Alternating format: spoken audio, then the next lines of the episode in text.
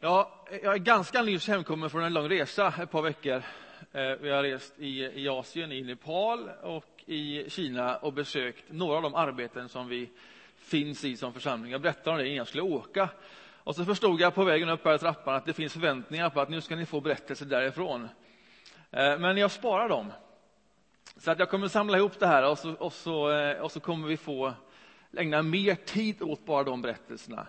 Men så mycket kan jag säga att jag har varit långt bort. Jättelångt bort. Jag har åkt med, på vägar där man inte tror att det finns vägar och sen när de tar slut så har vi gått ett antal timmar och så har vi någonstans där hittat en, en by. Det allra, allra vackraste jag har sett, det mest tjusiga i ett landskap, de vackraste människorna och de gladaste människorna med de allra mest basala och största behoven. Vatten och mat sanitet, hygien, alltså allt sånt som vi bara tar för givet är deras stora fråga varje dag. Det har jag mött. Och där är vi som församling, vi är med där, vi är där. Och bara det åker man hem med och känner, det är inte dumt det vi gör alltså. Det är något väldigt, väldigt viktigt. Eh, så bara ta emot den hälsningen ifrån riktigt avlägsna byar. Och så ska jag berätta mer senare. För nu när jag kommer hem så har vi en predikoserie, tre söndagar, och vi predikar över det här temat Be, bry sig om och berätta. Och förra veckan så predikade Ingmar över B. Får vi upp det på skärmen? Nej. B, bry sig om, berätta. Kom den först, eller? Ah, vi kan ta bort det. Ja, ni får titta på mig bara. B, bry sig om, berätta. Det här är tre stycken ankar eller hörnstenar. Vi tänker att detta är egentligen vad vi gör som församling. Och gör vi det här så går vi inte hur galet som helst. Vi ber därför att vi räknar med Gud. Det är liksom en grundsten hos oss. Och Ingmar predikade om det förra söndagen. Och ett sådant uttryck det är att vi bland annat skriver namn på människor på en sån här lapp. Och så lägger vi i den här lilla skålen här. Det är ju en löjlig symbol på ett sätt, så, va? men vad den står för är väldigt viktigt. Vi tror att Gud bryr sig om alla människor och vi räknar med Gud på det sättet. Så att när man ber så gör det en rejäl skillnad. Därför ber vi för människor som betyder mycket för oss. Att också Gud skulle betyda mycket för dem. Det här är en del. Och sen handlar det om att bry sig om. Det är en sån hörnsten. Och det är dagens predikan. Vad är det att bry sig om i det här ljuset? Då ska jag läsa en bibeltext och tala omkring det. Och den här bibeltexten finns i Johannesevangeliet. Har du fått en bibel som du lånat på vägen in så finns det på sidan 764. Jag har tagit den här texten. Den här texten läser man i de flesta kyrkorna idag. Det här är enligt kyrkoårets text. Det handlar om den gode herden. Johannesevangeliet kapitel 10. Och jag ska läsa den texten. Det är en hyggligt lång text. Jag tror vi ställer oss upp bara, så får vi liksom med kroppen in i den texten. Och sen ska jag lägga ut den texten utifrån detta, att bry sig om, som en av våra liksom, hörnstenar här. Sannerligen, jag säger er, den som inte går in i fårfällan genom grinden, utan klättrar in på ett annat ställe, han är en tjuv och en rövare. Men den som går in genom grinden är fårens herde. För honom öppnar grindvakten och fåren hör hans röst. Och han ropar på sina får med deras namn och för ut dem. När han har släppt ut sina får går han före dem och fåren följer honom därför att de känner igen hans röst. Men en främling följer dem inte, utan springer ifrån honom därför att de inte känner igen främmande röster. Denna bild använde Jesus när han talade till dem, till lärjungarna. Men de förstod inte vad han menade. Och sen sa Jesus, sannerligen, jag säger er, jag är grinden in till fåren. Alla som har kommit före mig är tjuvar och rövare, men fåren har inte lyssnat till dem. Jag är grinden. Den som går in genom mig ska bli räddad. Han ska gå in och han ska gå ut och han ska finna bete. Tjuven kommer bara för att stjäla, slakta och döda. Jag har kommit för att de ska ha liv och liv i överflöd. Jag är den gode herden. Den gode herden ger sitt liv för fåren. Den som är lejd och inte är herde och inte äger fåren, han överger fåren och flyr när han ser vargen komma. Och vargen river dem och skingrar jorden. Han är ju lejd och bryr sig inte om fåren. Jag är den gode herden och jag känner mina får och de känner mig. Liksom fadern känner mig och jag känner fadern. Och jag ger mitt liv för fåren. Jag har också andra får som inte hör till den här follan. Också dem måste jag leda och de ska lyssna till min röst. Och det ska bli en jord och en herde. Fadern älskar mig därför att jag ger mitt liv för att sen få det tillbaka. Ingen har tagit det ifrån mig. Jag ger det av fri vilja. Jag har rätt att ge det och jag har rätt att få det tillbaka. Detta har min fader bestämt för mig. De orden gav upphov till en ny oenighet bland judarna. Många sa, han är besatt och från sina sinnen. Hur kan ni höra på honom? Och andra sa, nej, så talar inte den som är besatt. Kan en demon öppna ögonen på blinda? Vi förenar oss i en bön. Tack gode Gud för den här texten. Nu ber jag att liksom du en gång Jesus öppnade ögon på blinda, att du skulle öppna våra ögon så att vi förstod den här texten. Så att vi kände igen både dig och oss själva i den här texten. Och så att det blev meningsfullt. Öppna våra ögon så att vi ser klarare. Amen. Varsågod och sitt.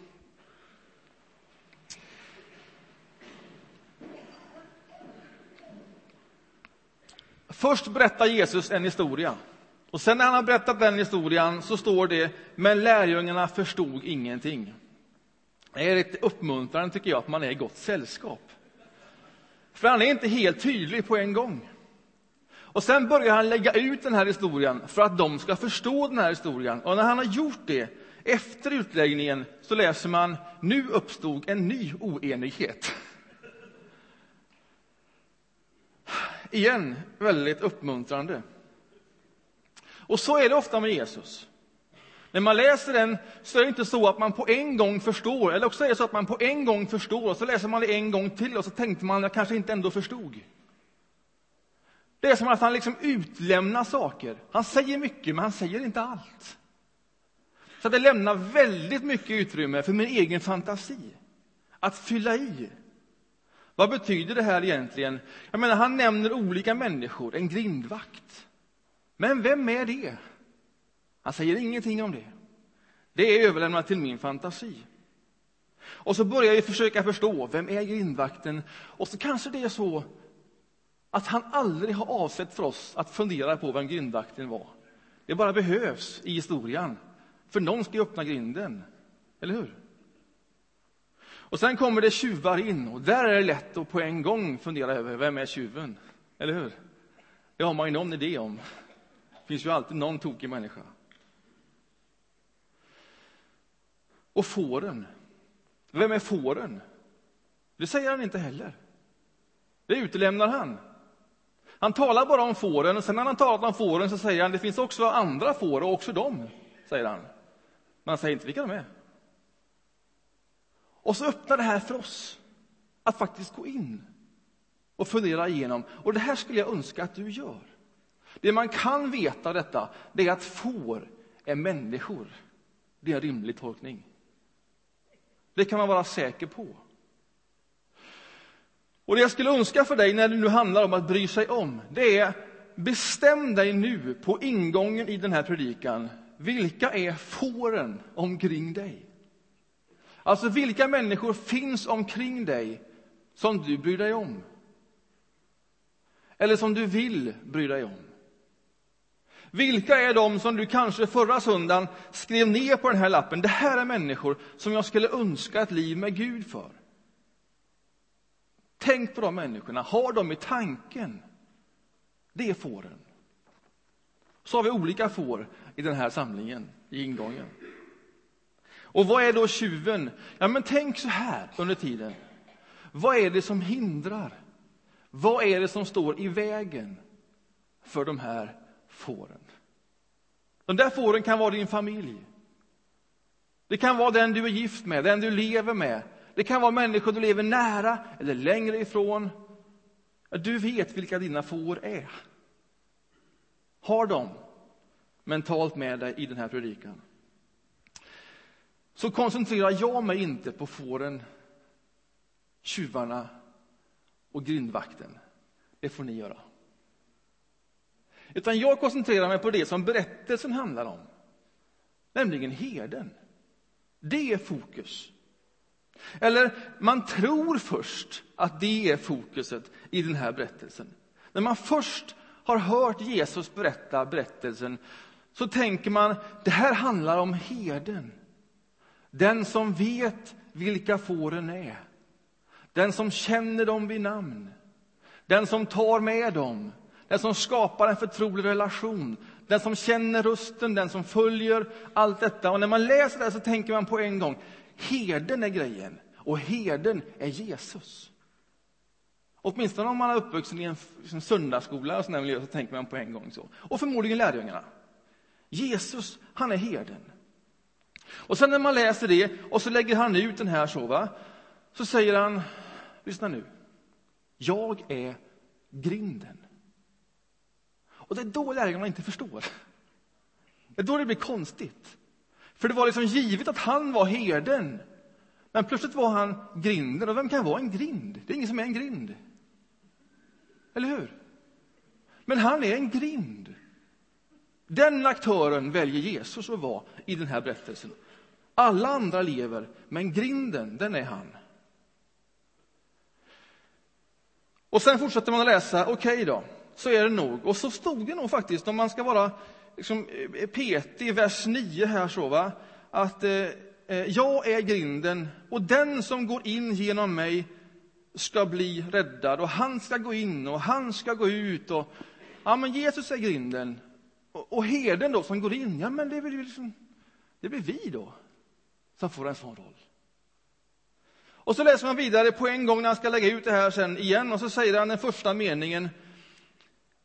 Sannerligen, jag är den gode herden. Och igen så får man ta, var han inte grinden? Eller är han både grinden och herden? Alltså, vem är vem egentligen i den här berättelsen? Och någon har tänkt att ja, men det står här att han är den gode herden. Och det ska man nog inte liksom tolka som att han är herden, för herden är bara herden och gode herden, de har liksom lagt till någonting så. Va? Och så tänker jag när jag läser en sån förklaring, ja men det har man säkert tänkt för att försöka att man ska få det att gå ihop. Så, där, så va? Och så säger, tänker jag, ja, det är inte säkert man ska få det här att gå ihop. Vi vill ju alltid lösa allting hela tiden. Tänk om det är så att någon sak här, typ en herde, handlar om olika människor. Tänk om det handlar om precis om Jesus och tänk om det handlar precis om oss. Det vore ju inte konstigt. För det sägs ju om Jesus på flera ställen, han är inte den ende, han är den förste. Tänk om han är den förste. Då är det så att det som är hans liv också blir vårt liv. Därför kan man gott tänka sig att det som är ord om Jesus också blir ord om oss. Och att herden, ja men det är inte dumt att läsa det om Jesus och om oss. Som en funktion och en uppgift. Men det man kan vara säker på, det är att grinden, det är bara Jesus. Det är entydigt. Det finns inget annat som kopplar till grinden mer än Jesus. Jag är grinden. Och vad är det för bild då? Vem vill vara en grind? Med det kan man höra ett eko av andra Jesus ord. Grinden är vägen in och vägen ut. Grinden är enda vägen in och enda vägen ut. Det verkar som att det finns andra som går andra vägar in och det beskrivs inte positivt. Utan någonting som står i vägen och förstör. Nej, grinden är liksom enda vägen till någonting. Och det är som om Jesus på något sätt ger en bild över orden Jag är vägen. Jag är livet. Jag är sanningen. Ingen kommer till Fadern utan genom mig. Det är, det är den sortens ord som den här grinden är laddad med. Det finns någonting provocerande exklusivt med grinden. Det är liksom nyckeln till allting. Om man inte går igenom den grinden så kommer man inte in. Och kommer man inte in så kommer man inte ut. Och jag är den grinden. Allting går igenom mig. Så säger Jesus. Och vad är det då man ska gå in? Vad är grejen? Vad är han för sorts grind? Ja, då säger han väldigt, väldigt tydligt. Det här är en grind in till liv. Den som går in genom den grinden, den som låter mig vara den nyckeln, den vinner liv och liv i överflöd. Det är för det den här grinden finns. Det är till det den här leden, vägen leder, till liv och liv i överflöd. Och liv har han sagt på så många ställen. Jag kommer för att ge liv. Det är ett Jesus ord. Det är så bejakande. Men här lägger han till liv i överflöd. Det där är också ett ord som man använder på andra sätt. Den som tror på mig, ur hans inre ska flyta strömmar av levande vatten. Det är ett överflöd av liv. Till detta leder grinden och öppnas grinden. Detta är spännande. Jesus, han är grinden. Och så kommer det spännande. När man då går in genom den grinden så verkar det som att när man går in genom den grinden, det vill säga när man tror på Jesus, när man lägger sin tillit till honom, när man följer honom, när man låter honom vara vägen till livet och till ett liv i överflöd. När man låter det så är det som att man, man i den rörelsen kopplas ihop med massa får. Med massa människor. Det är så att man kan inte göra den rörelsen, man kan inte gå in genom den grinden ensam och förbli ensam, som om mitt liv inte längre förhöll sig till andra människor. Utan när man går in i den så är det som att man, man blir någonting. Man blir en herde. Plötsligt sitter mitt liv ihop med alla andra människors liv. Det är som att det ligger i den rörelsen. Det är som att det finns ingen annan väg. Det finns ingen privat tro hela vägen. I den här bilden finns det inget sånt utrymme. Utan när jag väljer den här vägen så väljer jag ett liv där jag plötsligt förhåller mig till får. Till andra människor omkring mig. Och då blir frågan, hur förhåller jag mig till andra människor? Vad är det att vara en herde? Vad är det att bry sig om människor? Om vi nu tar den här beskrivningen om Jesus, liksom om oss. Vad är det som står här egentligen? Ja, det första som står här i är enastående. En herde ropar på sina får med deras namn. Du vet vem de är som du bryr dig om. Du vet vem de är som du har skrivit på en lapp här. Du vet vem de är som du nu tänker på. Och du vet vem de är, inte på ett enkelt sätt. Inte bara så att du kan namnet, vad var det nu jag skrev? Lars. Utan du vet vem de är. För när Bibeln skriver om namn så handlar det också alltid om identitet. Namn och identitet sitter alltid ihop. Du ska förstå det här djupare än namnet. När du vet någons namn så vet du någons identitet. Du vet vem den människan är. Och du kanske inte har tänkt så om dig själv. Därför att det är ju väldigt höga anspråk om andra människor. Men med en herde är det så att herden vet vem de andra är, deras identitet, deras namn. Och vad är de andra människorna? Vad är fåren som man nu är sammankopplade med? Som herde vet man att alla de människorna som finns tecknade här, som finns i mitt sinne, de är skapade till Guds avbild. Alla de människorna är inte mindre än så. Skapade till Guds avbild. Att vara lika Gud. När man lägger sin blick på en annan människa, då är det den blicken man har. Det är en människas identitet. Du är skapad till Guds avbild. Det finns något alldeles enastående med varje människa som är skapad till Guds avbild. Och så har den bilden blivit lite grumlig. Det är därför vi inte tänker så på en gång när vi ser vilka vi är och om oss själva. Därför att det har grumlats. Det är inte helt klart att vi är skapade till Guds avbild. Någonting har hänt. Men det är lika fullt så när det kommer till identitet. Att varje människa är skapad till Guds avbild.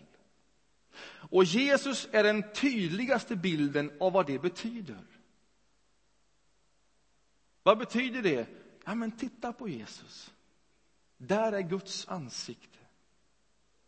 Guds ansikte, Guds väsen blir aldrig tydligare än vad det blir i Jesus Kristus. Där har du Guds bild, Guds avbild och också vad du själv är skapad till. Din egen identitet, den blir tydlig i Jesus. Och genom att tro på honom, genom att följa honom, så kan man igen få fatt i den bilden som har blivit grumlad. Alltså vem jag på djupet är, vem jag var tänkt att vara, vad Gud vill för mig. Du får tag i det i Jesus Kristus och bara i Jesus Kristus. För det finns bara en grind in till livet. Det är det exklusiva. Och när du får tag i den, då kan du liksom börja bli det du redan är. Skapad till Guds avbild. Och Jesus är nyckeln. Det är han som är grinden. Det är han som leder in till detta. Och när du går in genom den grinden, då får du, nu kommer en bild, då får du denna blicken på alla andra får. Det är en herdes blick. En herde vet namnet på alla får. Och inte namnet i en ytlig mening. Utan i den mest, mest djupa, grundläggande meningen. Det vet en herde som Jesus om sina får. När du nu tänker på dem som du har skrivit på din lapp, när du tänker på dem som du har i ditt sinne just nu. Vad är din blick på dem? Alltså, vad ser du när du ser dem? Vad tänker du när du ser människorna? Den blicken som herden har. Detta är en människa skapad till Guds avbild. Och denna människan får fatt i det som har grumlats genom Jesus Kristus. Det är därför vi ber. Det är därför vi ber. Men se aldrig mindre hos en människa än detta. Det är utgångspunkten. Blicken. Det andra som är spännande, som en herde ser och som en herde gör, handlar om frihet. Här kommer en herde in och så säger att när man kopplar upp med fåren, det första herden gör är att den går ut igen genom grinden. Och sen följer fåren med den här herden ut. Detta är bilder som handlar om frihet. Jag har säkert många så här intuitiva bilder om en herde. En herde skulle kunna vara någon med en sån käpp. En, en, en, en rå pinne. Och så har man fåren framför sig och så går man liksom och trycker in alla fåren i, liksom, i follan och så ska man trycka fram dem och där springer någon ut och så trycker man in den igen och så försöker man kontrollera alltihopa, detta, styra det dit man vill. Men så är inte bilden här. Här går herden först. Herden går. Och den som vill, den följer med. Den friheten är viktig för herden. Vi trycker inte människor någonstans. Vi tvingar inte någon någonstans Tänk nu på dem du har i huvudet. Men du måste gå först. Och om man ska följa den som går före så måste det finnas någonting som lockar i det, någonting som är värt att följa. Eller hur? Det här är en människa som vet vem jag är. Det här är en människa som älskar mig. Som genuint bryr sig om mig. Och som bjuder den friheten att jag fritt själv kan gå med om jag vill. Vi fattar inte de besluten för andra människor. Det är ett fritt beslut. Och det är väldigt, väldigt viktigt. Vi kan ju älska varandra utan att friheten finns med. Vi kan ju älska ihjäl varandra. Vi kan ju älska någon så mycket att man känner att man är så älskad att man nästan är kvävd. Och man kan liksom inte göra någonting annat än att respondera på det, för annars känner man att man sviker en människa som älskar. Man kan älska någon människa så mycket att det man lämnar efter sig inte är frihet, utan skuld. Jag älskar så mycket att jag lämnar efter mig en skuld. Och om jag inte betalar tillbaka den, om jag inte gör detta, om jag inte på något sätt så är jag inte fri ifrån den kärleken. Men den här herden, som Jesus, den går först. Och den som vill får följa. Den här herden dör för människor innan man har frågat efter det. Oavsett hur man förhåller sig till det. Därför att den här herden älskar för att den älskar. För den här herden är kärleken sin egen lön. Det är en frihet.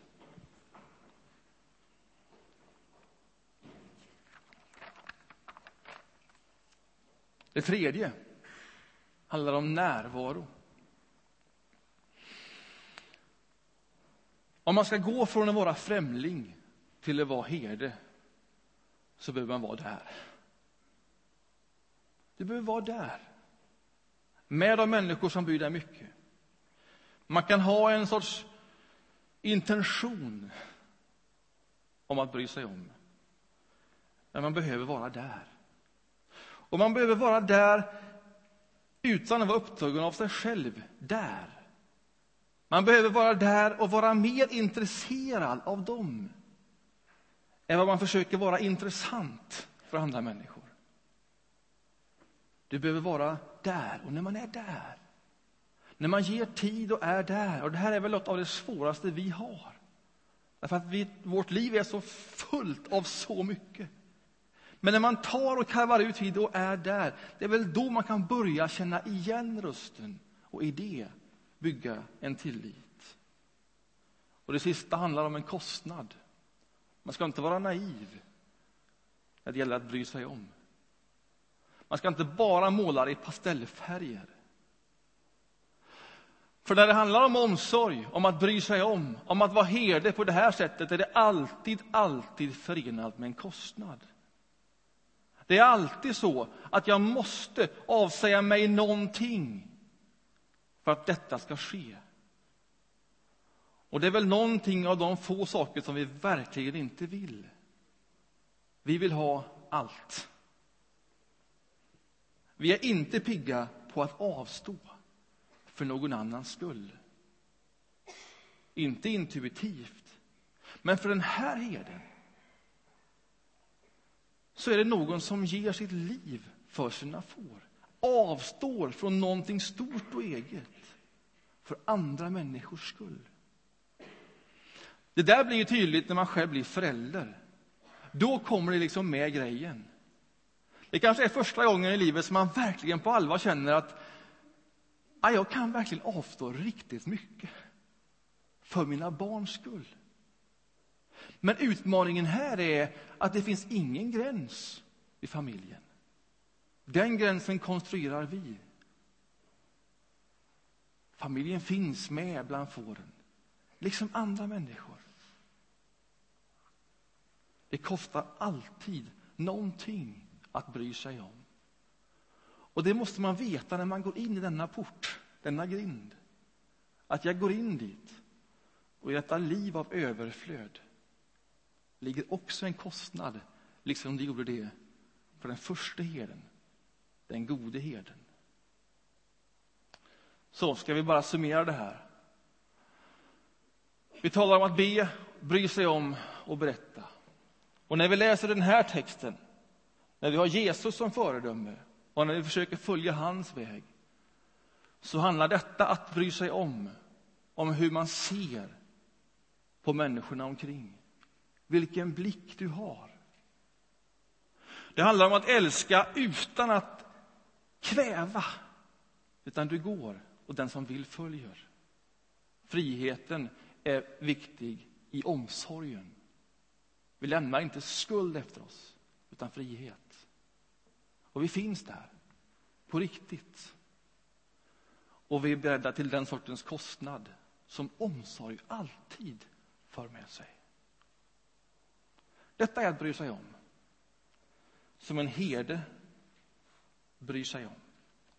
Detta är enligt Jesus vägen till livet.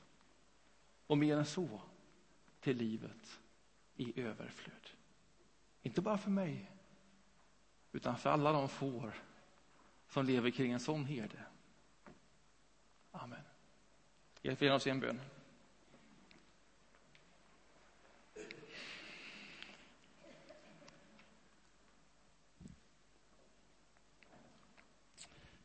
Jesus Kristus, när vi talar om att bry oss om, om en omsorg, så är det utifrån att vi först har tagit emot den av dig. Egentligen bara ett gensvar på din omsorg, på din blick på oss, på hur du ser oss och vad du vill skapa i och genom oss. Det är ett gensvar på den frihet som du har gett oss att följa dig. Du som älskar som ingen annan kan älska. Ett gensvar på din närvaro. Att du aldrig lämnar eller överger, utan alltid, alltid står kvar. Och ett gensvar på den kostnad som du eh, stod för, ditt liv för vår skull.